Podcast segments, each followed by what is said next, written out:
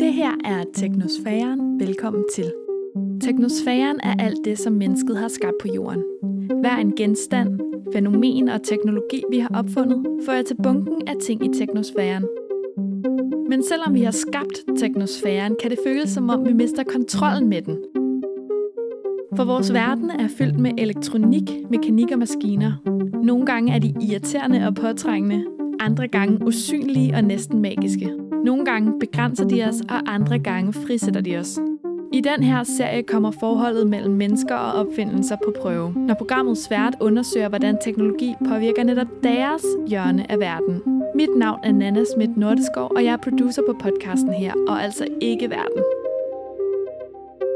Jeg står på sidelinjen, når verden gennem fem episoder udforsker teknologien som en allieret eller en modstander til den kamp, som verden udkæmper i hverdagen.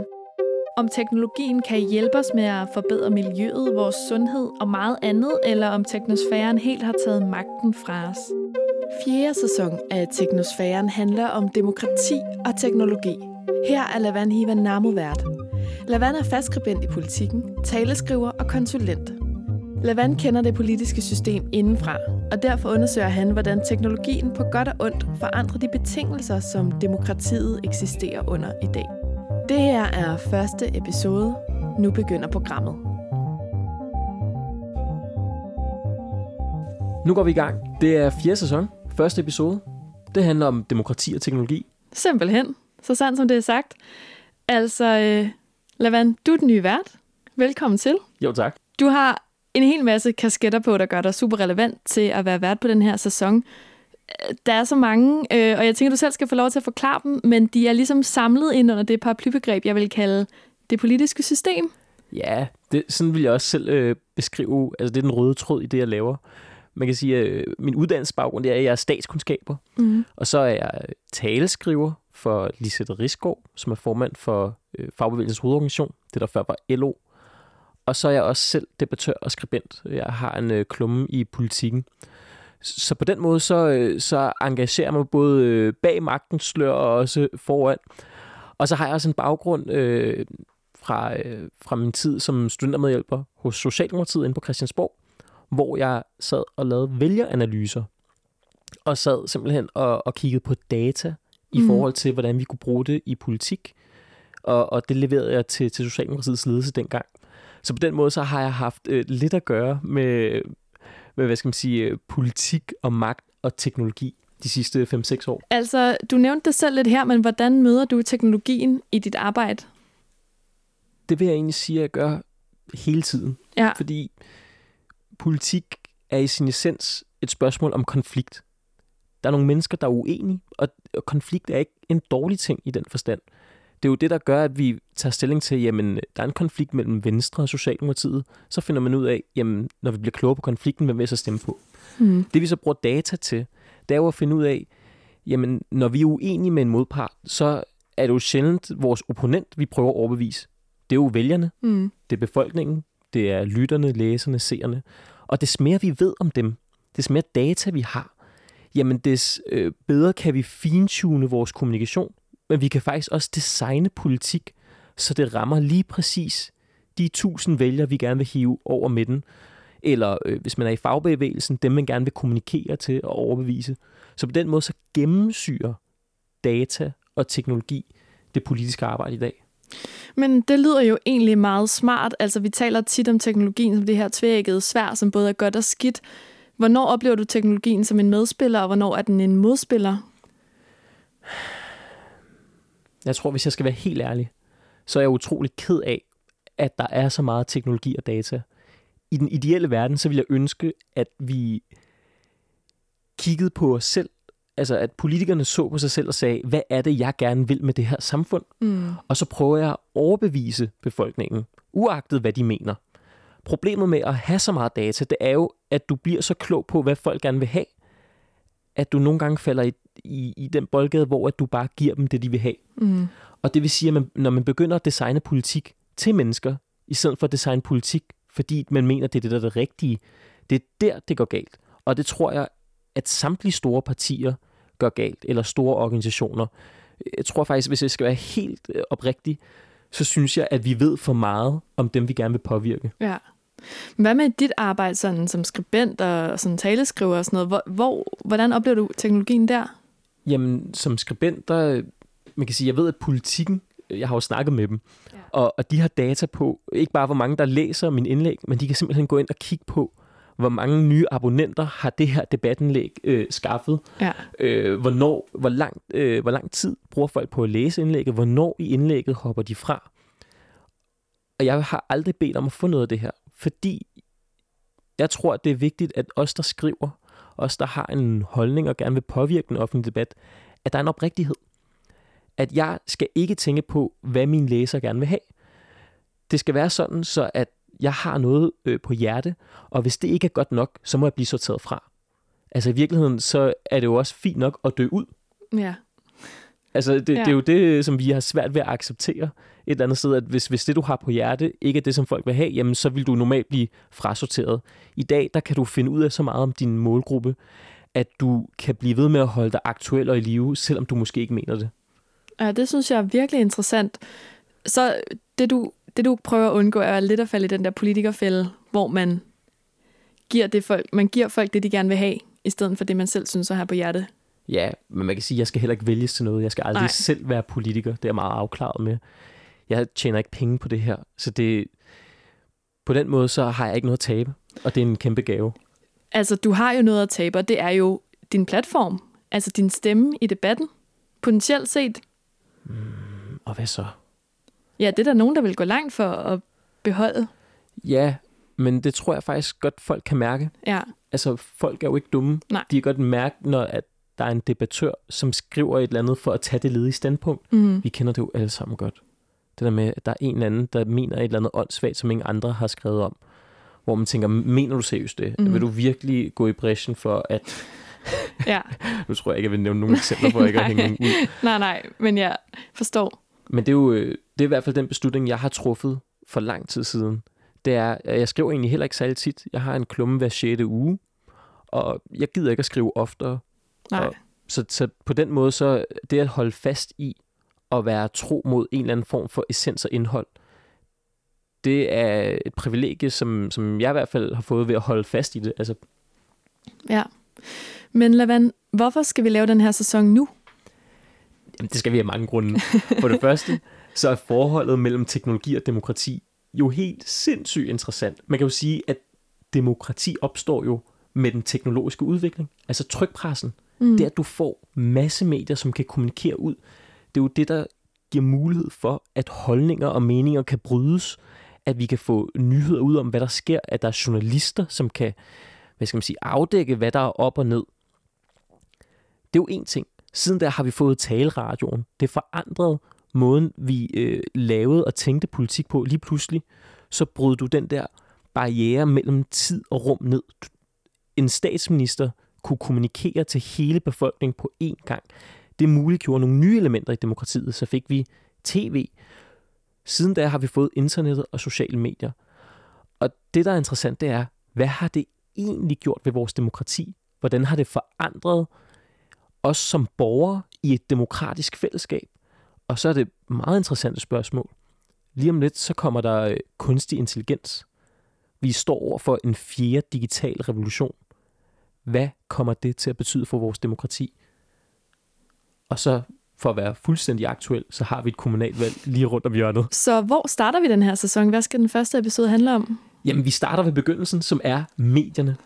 Og det vil sige, at vi skal kigge på, hvordan har den teknologiske udvikling påvirket journalistikken? Altså, øh, demokratiets fjerde statsmagt. Øh, hvad skal man sige? Øh, vagthunden, der bider politikerne i haserne og sørger for, at de opfører sig ordentligt. Ja.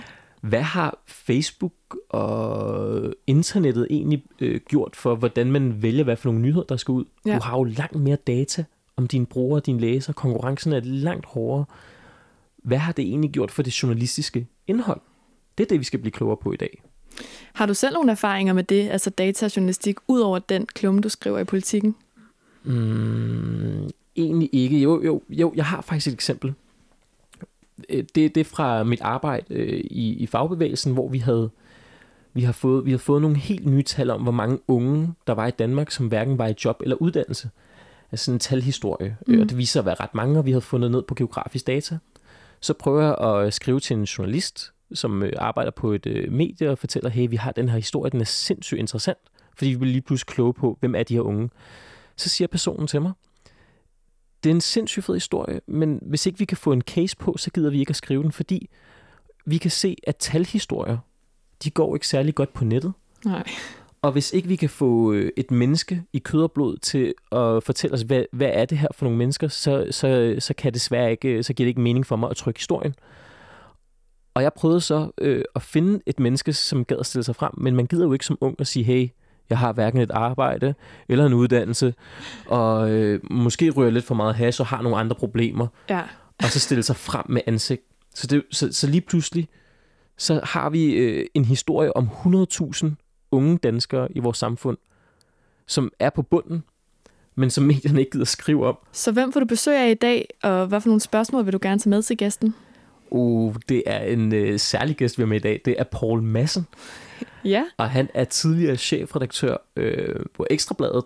Og han er kendt som sådan en gavtyv i dansk presse. Han er lidt af en legende. ja. Og han har været øh, både på TV2 og 24 Nyt. Og han har stået på mål for nogle ret kontroversielle journalistiske valg hen over tiden. Og har været i presselogen adskillige gange. Så han er en mand, der virkelig har haft magt inden for dansk journalistik. Han har sat kursen for et af de hårdeste medier, vi har i Danmark. Som måske, måske ikke har lavet sig, hvad skal man sige, af dem, som har lavet sig påvirke allermest af den teknologiske forandring. Ekstrabladets hjemmeside er jo øh, den mest besøgte danske hjemmeside overhovedet. Det er så vildt. Det er så vildt. Altså, det er jo en mand, der må vide noget om, hvad data og, øh, hvad skal man sige, øh, den teknologiske udvikling har gjort ved journalistikken. Mit navn, det er Lavan Hiver Namo. Jeg er skribent, taleskriver og statskundskaber. Og hvis der er noget, jeg har stusset over de sidste fem år, så er det, hvor skrøbeligt vores demokrati er. Valget af Donald Trump og Brexit har virkelig vist os, hvor stor en magt sociale medier som Facebook og Twitter har. Og at det vi først troede var et demokratisk forum, et frirum for frie meninger og udveksling af holdninger, lige pludselig bliver vendt imod os. Lande som Rusland og Kina bruger lige pludselig fake news på sociale medier til at fremme deres egne interesser og destabilisere vores demokrati. Derfor vil jeg i løbet af den her sæson undersøge, hvad koblingen mellem demokrati og teknologi egentlig er, og hvordan det påvirker vores frie valg. Og i den her episode, der ser jeg på, hvordan medier og teknologi spiller sammen i vores demokrati. Man siger, at medierne er demokratiets fjerde statsmagt. De skal hjælpe os borgere med at gå magthaverne efter i sømne, for at vi alle sammen kan stole på det, vi hører og ser. Amerikanske præsidenter og danske statsminister er blevet væltet af insisterende journalister, som turer grave sig ned i kompliceret stof og drive sandheden frem. Men når medierne kan se, hvad der fanger læserens blik, bliver det svært at prioritere graverjournalistik over kulørte historier, der giver mange visninger. Prioriterer medierne klik over kritik? Er algoritmiske forudsigelser bare et smart værktøj til at få flest mulige kunder i butikken? Eller underminerer algoritmerne den debat og oplysning, der er helt central for demokratiet? Og så skal jeg byde øh, velkommen til dagens gæst. Det er ingen ringer end øh, selveste Paul Madsen, tidligere chefredaktør for øh, Ekstrabladet. Velkommen til, Paul. Tak skal du have, og tak for en flotte intro. Jamen, vi er overhovedet ikke over det. Man kan sige, du er jo altså ikke bare kendt som øh, klassens frække dreng i dansk journalistik. Du er også noget af en legende inden for, øh, for dansk journalistik. Du har jo været øh, i branchen siden 88. Det har jeg. Jeg startede min journalistiske karriere samtidig med TV2 øh, i 1988 som helt ung grøn, hvor jeg blev hyret til så sammen med en hel masse andre at starte TV2. Og stationen fandtes, ikke? Vi startede på en skole i Odense, hvor vi skulle lære at lave tv og kigge på hinanden. Det her går ikke godt, tænkte vi. Ja. Men det gik godt, så det var jo fantastisk. Omdrejningspunktet for podcasten, det er jo samspillet mellem teknologi og demokrati. Men det betyder også, at det er jo interessant for os at vide, hvordan var det dengang, der ikke var et internet eller sociale medier. Du var på TV2, du blev også en del af redaktionen og redaktionsleder i hovedstaden. Hvordan valgte I historierne ud dengang? Jamen, vi valgte dem selvfølgelig, synes jeg, på lidt samme måde, som man gør i dag. Altså, ud fra, hvad mente vi var vigtigt. Hele forskellen var jo bare, at det var meget mere sådan uh, fingerspidsgefyl, end det var uh, på en eller anden måde faktabaseret i forhold til, mm. hvad folk uh, helst ville have. Tempoet var jo simpelthen lavere. Man skal lige mm. huske på, at jeg startede i en medievirkelighed i 1988, hvor der var én nyhedsudsendelse om dagen på TV2, mm. og en på Danmarks Radio. Ja, okay. Men, men tag os lige med tilbage dengang, fordi det eneste, I virkeligheden havde at pejle efter, det var vel seertallene? Ja, det, vi fik seertal en gang om ugen. Øh, eller vi fik, nej, på TV2 fik vi faktisk seertal dagen efter, så vi ligesom kunne se, hvor mange havde vi haft øh, dagen før. Og det man jo målte op imod var TV-avisen på Danmarks Radio. Så var det klart, at, at papiraviserne var jo dengang meget mere styrende for nyhedsudviklingen, end de er i dag. Fordi det var ligesom det, den referenceramme, man havde. Og et klassisk mønster øh, var jo virkelig, at papiraviserne havde taget en historie op, og så lavede de elektroniske medier, som øh, radioavisen og TV-avisen og TV2-nyhederne, vi lavede så de historier, der havde været i morgenaviserne om morgenen, eller i, i Ekstrabladet og BT. Man hører der et eller andet sted sige, fordi man kan sige, I ligner måske også lidt hinanden i journalister, øh, kommer måske øh, de samme steder fra. Jeg ved i hvert fald i dag, der bor I de samme steder, som er Østerbro og øh, fine murstensvilla på Amager. Hvordan var diskussionen om, hvad danskerne egentlig gerne ville have? Var det bare redaktøren, der stak en finger i luften og mærkede efter? Om der er jo den her berømte historie om, at, øh, at øh, redaktøren på vej til arbejde øh, taber hatten, fordi det blæser, og så skal man lave noget om vejret.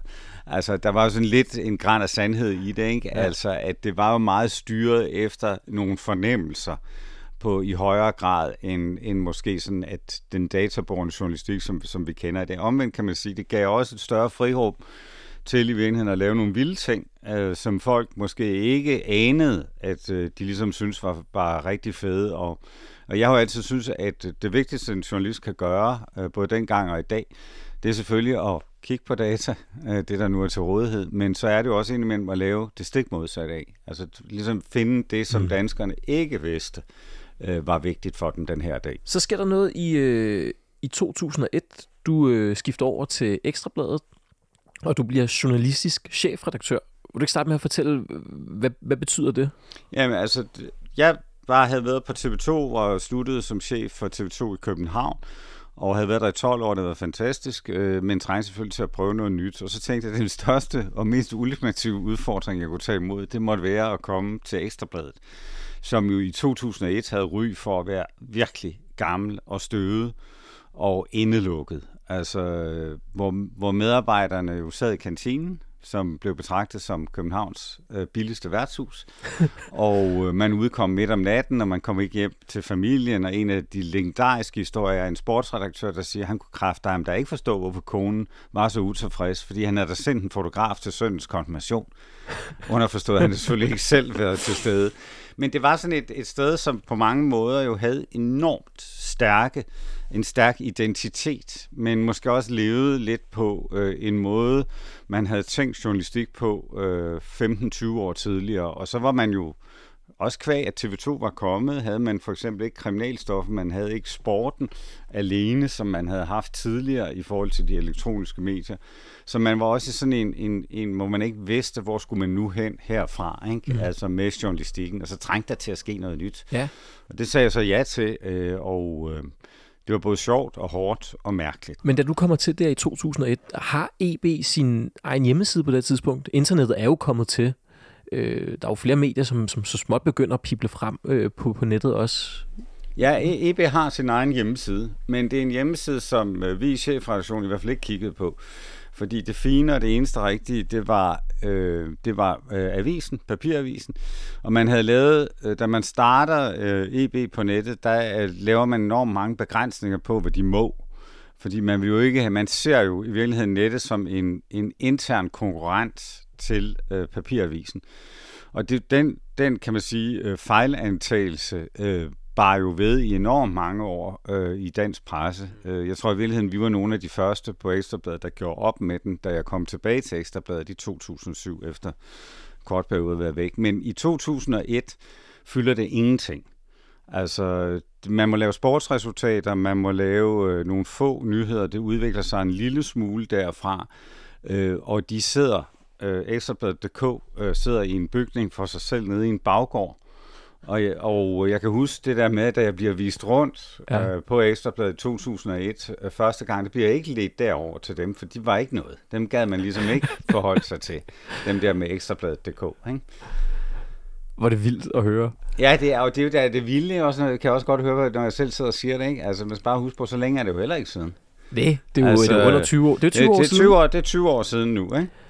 Du har jo lige en afstikker til... Jeg er ude og lave en grænsevis, øh, og det var skide sjovt. Altså starte det der med at få lov. Altså jeg havde været med som ung øh, grøn journalist i 88, som yngste led i kæden, nederste led i, i kæden, til jeg så pludselig øh, står inde på mit kontor på Ekstrabladet og skal starte en helt ny avis. Men så kommer du over til Ekstrabladet i 2007, og du har selv beskrevet det her som et vendepunkt.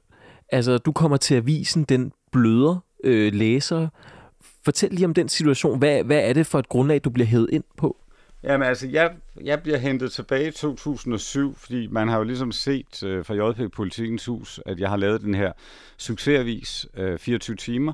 Så tænker de, jamen så kan han nok også få Ekstrabladet vendt den kurve. Ekstrabladet har haft en konstant nedgang i øh, læsertal, abonnement, eller ikke abonnement, men salg i 20 år, altså mm. siden TV2 kom til, ikke?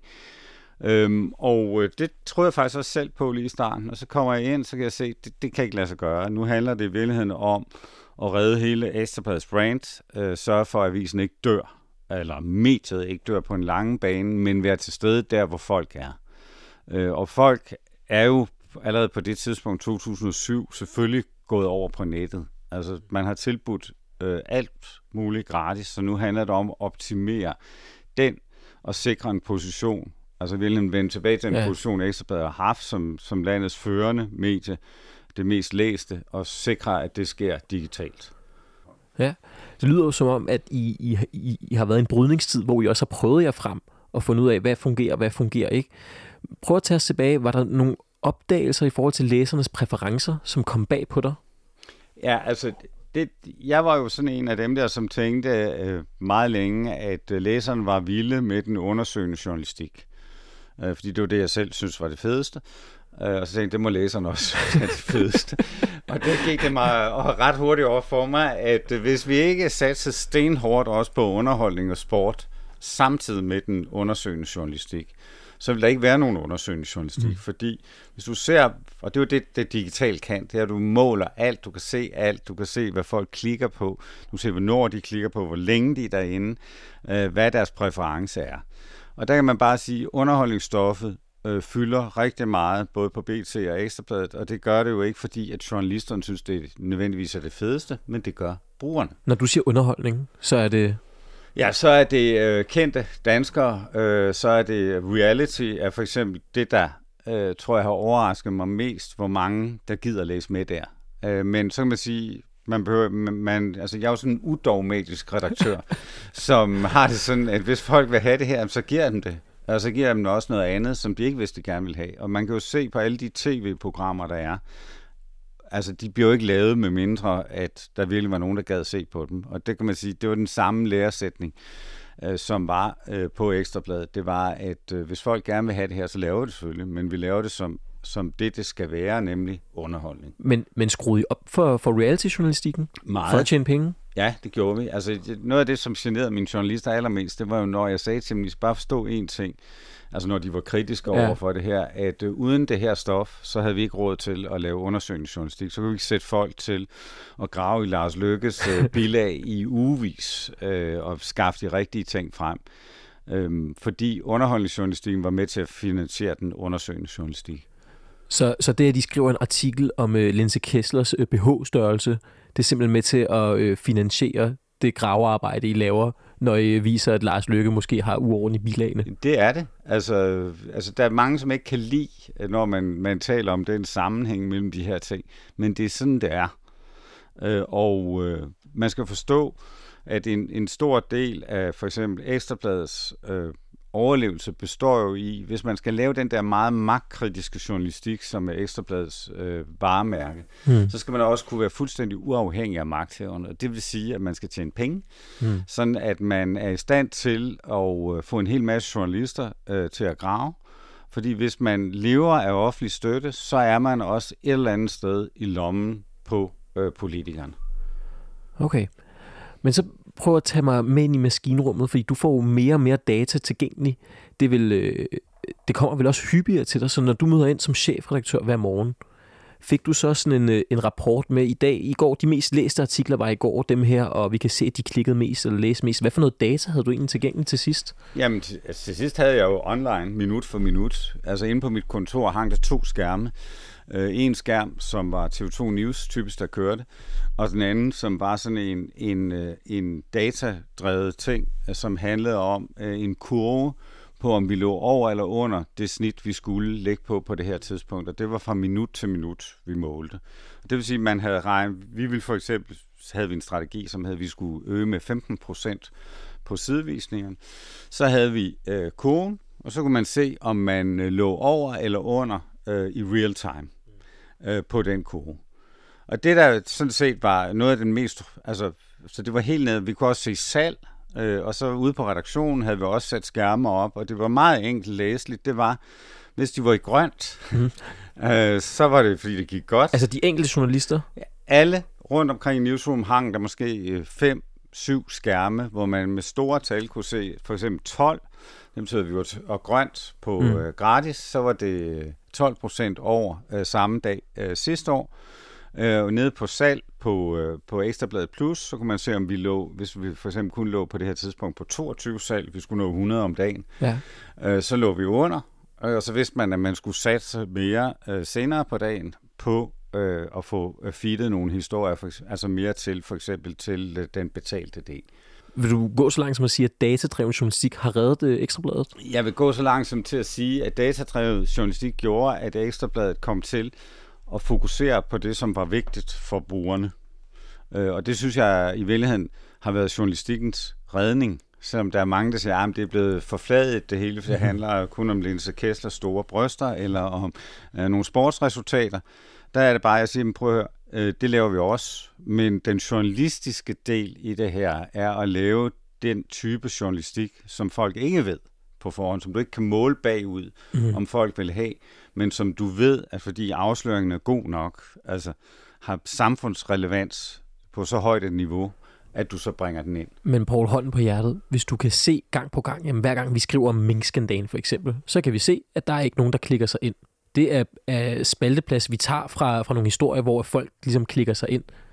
Jo, men Prioriter der... ikke efter det. Fjerner I ikke en stor sag fra forsiden, hvis ikke der er nogen, der gider at klikke på den? Nej, altså så, så holder man jo, man holder også, altså der er et andet kriterie som et journalistisk kriterie, som gør, at man holder ting i godsøjne kunstigt i live øh, på et site, som du ellers kan tjekke alle data på. Og det gør du jo ud fra, øh, at øh, et medie er ikke et medie. Altså ellers er det bare Facebook. Der er dine venner, der bare ligger og feeder ting ind øh, til dig. Et medie er nogen, som har valgt for dig, hvad der er vigtigt. Mm så kan det godt være, at der er nogle enkelstående historier, øh, som ikke performer lige så godt, som hvis du kun havde reality-historie. Omvendt er jeg helt sikker på, at på den lange bane, altså det er ligesom at tisse i bukserne, det bliver dejligt varmt i starten, og så forsvinder det, ellers fordi det bliver koldt. Ikke? Mm. Og derfor er jeg også helt sikker på, at hvis både BT og Ekstrabladet øh, fortsætter ned ad den her vej, og kun ser på klik, øh, så dør de også på den lange bane. Fordi øh, journalist, altså media handler om jo at tilfredsstille folk her og nu, men så sandelig også at give dem noget, som de skal tænke over på en, et lidt længere perspektiv. Men hvordan, hvordan i, i hulens verden holder man styr på den vægtning? Altså på den ene side, så skal du tjene penge, og du har øh, klikkene. På den anden side, så har du noget stof, som du synes er vigtigt. Har du egentlig, øh, har du ikke selv stået på et tidspunkt og tænkt, jeg sagde ja til en historie, Måske fordi der var nogle kliks i den, havde tænkt, at det, det kunne øh, generere nogle penge, men som du måske er lidt ærgerlig over at blive trygt? Jo, jeg har, altså, jeg har da været med til at bringe øh, en lang række historier, som var ubetydelige, men som i virkeligheden fyldte godt op i kassen. Omvendt har jeg også været med til at bringe en lang række historier, som måske ikke fyldte så meget i kassen, men som har betydet noget for Ekstrabladets image.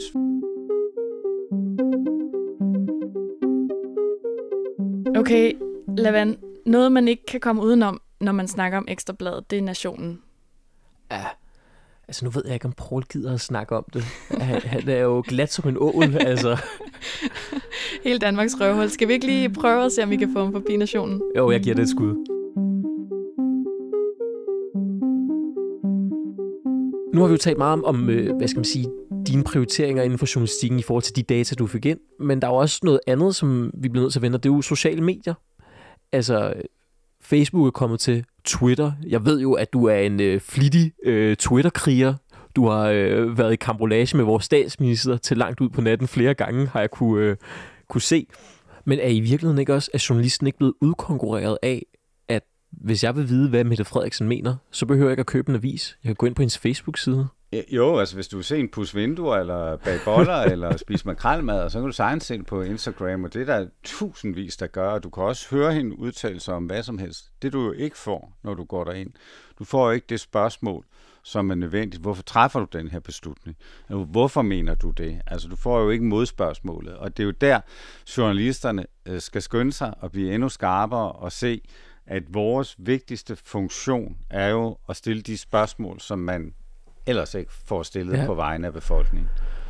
Men så lad os kigge lidt nærmere på, fordi det, som jeg bider mærke i ved Facebook og sociale medier, det er jo også det her brugerengagement, som i virkeligheden gør, at der måske er flere, der øh, kommer ind på sitet og læser en artikel, fordi de interagerer med det. I havde jo også øh, Nationen, som øh, de fleste måske kan huske, hvor at øh, der var en del, der kunne kommentere rimelig øh, bramfrit. Nogle ville kalde det et indblik i øh, Danmarks røvhul. ja, meget godt beskrevet. ja. Og øh, Paul, det var jo dig, der lukkede det ned.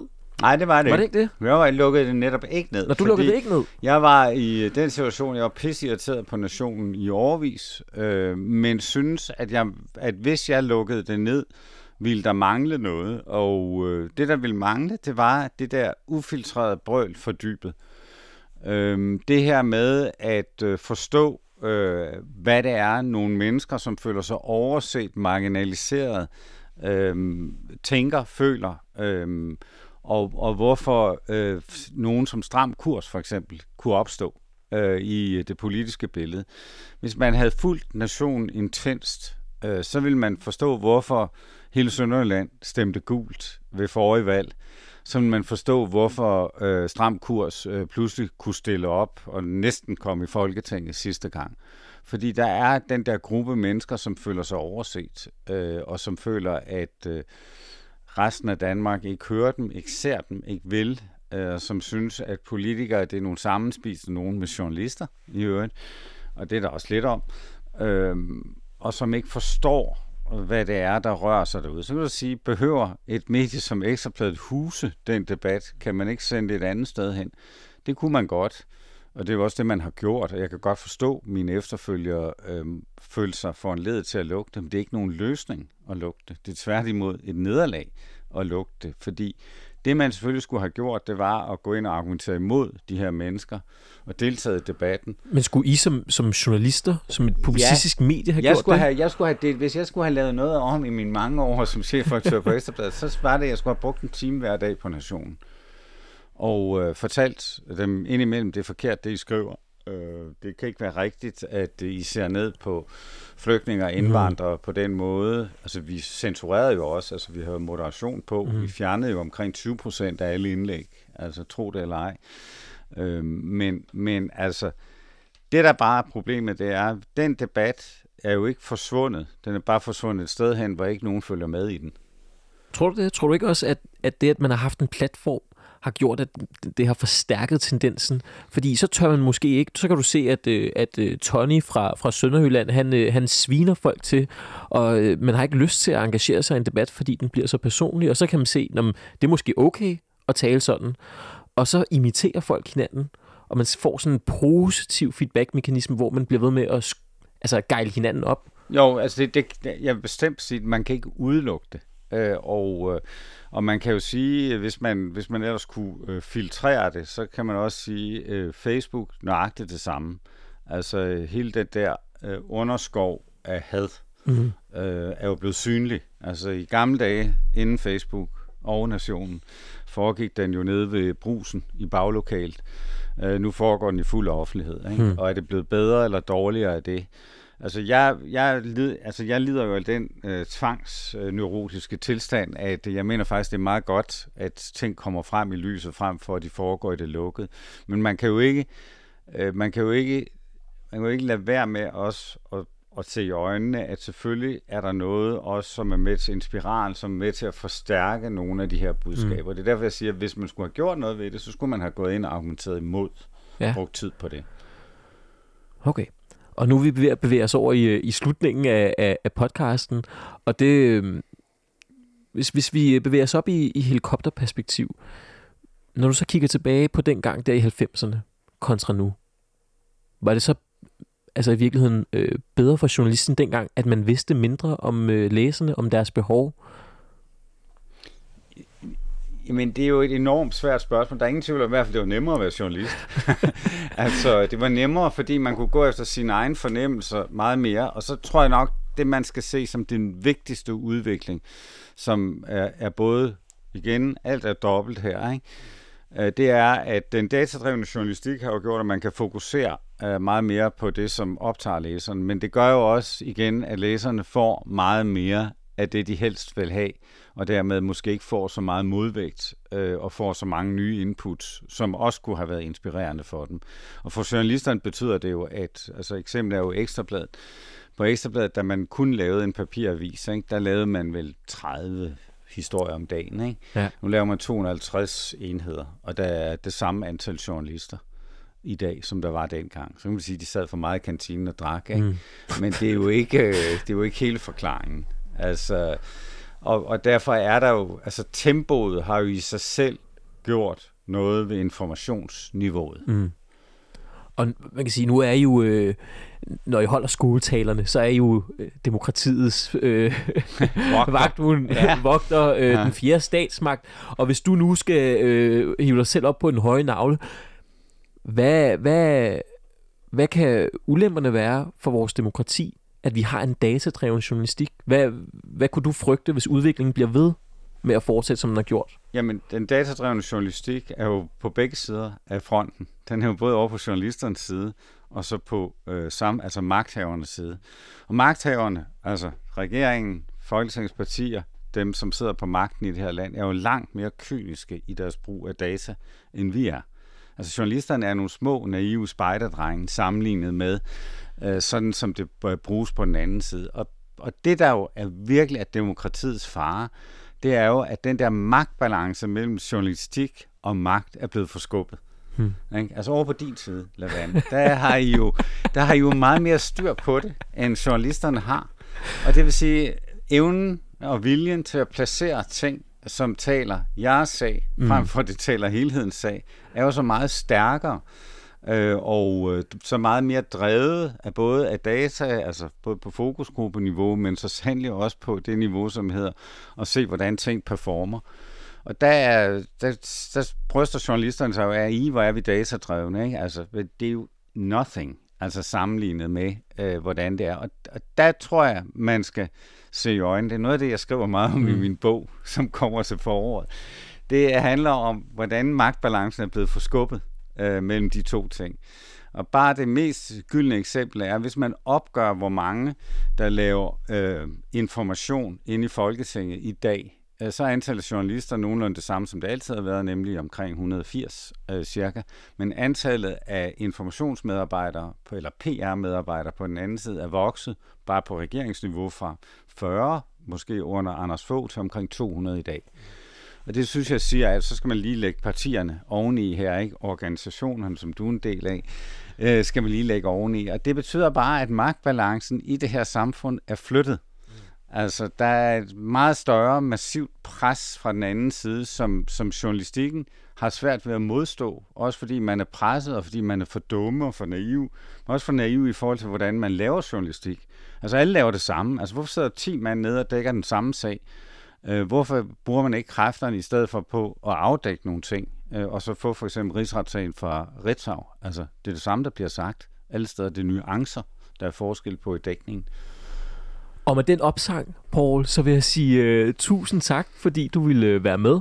Og det er jo en uh, perfekt overgang, fordi i næste uge, der skal vi faktisk tale om datadreven politik. Vi går uh, helt ned i maskinrummet, hvor uh, vi kigger på, hvad for noget data har man tilgængeligt i partierne, hvordan har det forandret øh, kampagnerne og selve politikudviklingen. Og øh, det har jeg jo selv været en del af. Jeg har jo selv siddet og lavet vælgeranalyser øh, på Christiansborg. Så øh, om Paul har ret i, at, at øh, man er blevet mere magtfuld over på bag magtens slør, som jeg jo arbejder for, det, det må vi finde ud af i næste uge. Tusind tak, Paul. Selv tak. Jeg glæder mig til at lytte med i næste uge.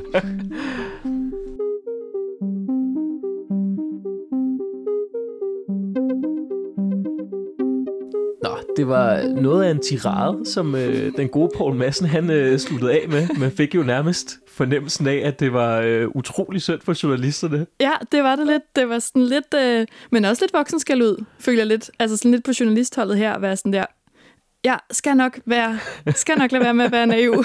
skal nok høre. Så du har i hvert fald fået nogle pointer med hjem. Det har jeg 100 procent. Det har jeg 100 procent. Og du fik også et lille, sådan, et lille stik. Ja, jeg synes, det var velfortjent. Ja. Altså, som, som en, der øh, arbejder bag magtens slør, arbejder for magthaverne. Jeg har også en enkeltmandsvirksomhed, hvor jeg hjælper virksomheder med pressearbejde og få dem øh, i medierne. Ja, Og jeg kunne bare se, det er jo rigtigt, hvad han siger. ja, Altså, der bliver jo optrappet sindssygt meget på kommunikation og PR ja. Ja. hos dem, der har pengene og magten. Og øh, nu er det jo bare mit lod i livet, at jeg er på den side. Øh, I en verden, anden verden kunne jeg måske også godt have været journalist. mm. Så jeg kan jo godt se det, han siger. Altså, det er jo rigtigt nok, fordi det var jo også det, vi startede med at snakke om. Det er, hvor stort et indblik vi egentlig har i, hvad vælgerne tænker og synes, og hvad de gerne vil have. ja. Så et eller andet sted, så har han jo ret i, at vi har øh, saveretten i dag, Mm. hvor at for 30-40 år siden, da der ikke var et Facebook eller Twitter, eller lige så mange konkurrerende medier, jamen så, så levede man jo på redaktørernes nåde. Ja. Så måske kan man sige, at altså, vi som mennesker i den her tid, altså vores liv er inddelt i så meget data. Vi er både vælgere, og vi er læsere, og vi er altså, borgere på alle mulige andre måder, så sådan, det kan udnyttes om os, den viden om os. Ja, man kan sige, det ene, jeg tager med mig fra det, Poul Madsen sagde, det var, at det også var en god ting, at man fik mere datadreven journalistik. Det gjorde simpelthen, at medierne kunne overleve. Ja. Fair enough. Jeg, jeg ved ikke, om, om det er bedre end, øh, end for, for 50 år siden, at vi læser mere om Linse Kesslers øh, bryststørrelse. Men man kan sige, det som var nyt for mig, det var den refleksion om, at den teknologiske forandring har i virkeligheden svækket journalisterne i forhold til magthaverne. Altså, fordi magt er jo et eller andet sted et, et, et nulsumsspil. Og øh, at, at der er magthaverne blevet styrket i deres position, det synes jeg er enormt interessant. Og jeg kan ikke lade være med at tænke, jamen hvis det her fortsætter, hvis der kommer flere og flere sociale medier, hvis den teknologiske udvikling bliver ved med at presse på i den her retning, Ja. jamen kan man så overhovedet snakke om øh, medier og journalister som den fjerde statsmagt? Hvad har du tænkt dig at gøre, for at det her ikke sker? Altså, du er jo en af dem, der sidder og presser på, som du selv lige har sagt, hjælper virksomheder med PR deres den, presse. man kan sige, jeg er jo også en del af den offentlige debat, hvor jeg, det jeg gør i politikken, det er jo, at jeg kommer med en del forslag til, hvor- hvordan vil jeg reformere samfundet. Jeg har faktisk også skrevet om mediejournalistik, og en af de ting, som jeg klandrede medierne for, det var at ansætte folk som mig, som har øh, arbejdet for magthaverne, og så ansætte dem som journalister. Altså medierne bliver nødt til at køre et meget hårdt skæld op imellem øh, hvad skal man sige, politikere og magthavere. Altså arbejder du for den ene side, så skal du ikke hoppe over til den anden side. Og det er i hvert fald det, jeg selv synes er meget fint, det er at sørge for, at der er stor afstand mellem journalister og magthavere. Mm. Så kan man sige, jeg lever jo af at, øh, at prøve at påvirke journalisterne også. Ja, Så hvis jeg skal være helt ærlig i det konkrete, så har jeg ikke tænkt mig at gøre så meget anderledes. nej. Men jeg mener, det burde være på en anden måde. Ja. Men det er ude af mine hænder. Det er Ja. ude af medierne, der skal bestemme det. Men hvor kommer den forandring så fra? Altså, hvis vi antager, at der skal ske en forandring, hvor tror du, den kommer fra? Jeg tror et eller andet sted, så vil jeg ønske, at politikerne de droppede de sociale medier. Mm. Jeg vil selv ønske, at jeg ikke behøvede at have sociale medier. Men det er jo ønsketænkning. Ja. Fordi faktum er, at det er nemmere at blive valgt, når du er til stede. Mm-hmm. Ja, helt sikkert. Og det er jo lige præcis det, vi skal snakke om i næste episode. Men jeg tænkte bare lige, for at runde nogle af de andre ting, der blev sagt i den her episode, så synes jeg bare, at det var enormt spændende, at Poul Madsen han snakkede om den her øh, vægtskål mellem at give folk det, de allerede vil have, og det kan være øh, Linse Kessler, eller det kan være noget, som politikens læser rigtig godt kan lide, men også give dem lidt af det, de ikke vidste, de ville have. Og jeg tror, det er det, der er sådan hele humlen med den her måde, man kan lave forudsigelser med data, eller man kan tilrettelægge det, man gør efter data. Det der med at sørge for at give folk noget, de, gerne, de ikke vidste, de gerne ville have. Mm-hmm. Ja, og så kan man sige, det kræver jo et ekstremt mod ja. fra øh, redaktørernes side. Mm. Men hvis man skal være optimistisk, det er jeg også. Det er jo langt de fleste journalister og langt de fleste redaktører, de er der jo ikke for kun at blive læst af mange. De er der, fordi de rent faktisk mener, at deres erhverv er vigtigt. Altså, det er fagprofessionelle, som er stolte af deres erhverv. Ja. Og så længe de er det, så længe vi har journalister, der tror på, at de er der, fordi de er en samskabende del af demokratiet, så er jeg egentlig fortrøstningsfuld. Okay, så du går ikke herfra nu og er sådan der, nå, satans? Nej, jeg tror, jeg startede med at være sådan meget sådan, nå, for satan, det er noget lort. Ja. Og så tror jeg, at, at Paul i virkeligheden nuancerede mit syn på det. Ja. Altså, jeg, jeg, jeg troede, at det stod værre til, end det egentlig gjorde. Men når jeg hører Paul sige, at dataen har faktisk været med til at redde et medie som Ekstrabladet, som man kan mene meget om, men som laver en del øh, graverjournalistik, som har vundet mange kavlingpriser, mm-hmm. og jeg tror også fortsat vil gøre det, så må jeg sige, jamen hvis data har gjort, at Ekstrabladet de bliver, så er det måske ikke så skidt. Det var første episode. I redaktionen sidder Anton Gade Nielsen, Martin Johansen og jeg selv. Jeg hedder Nana Schmidt Nordeskov.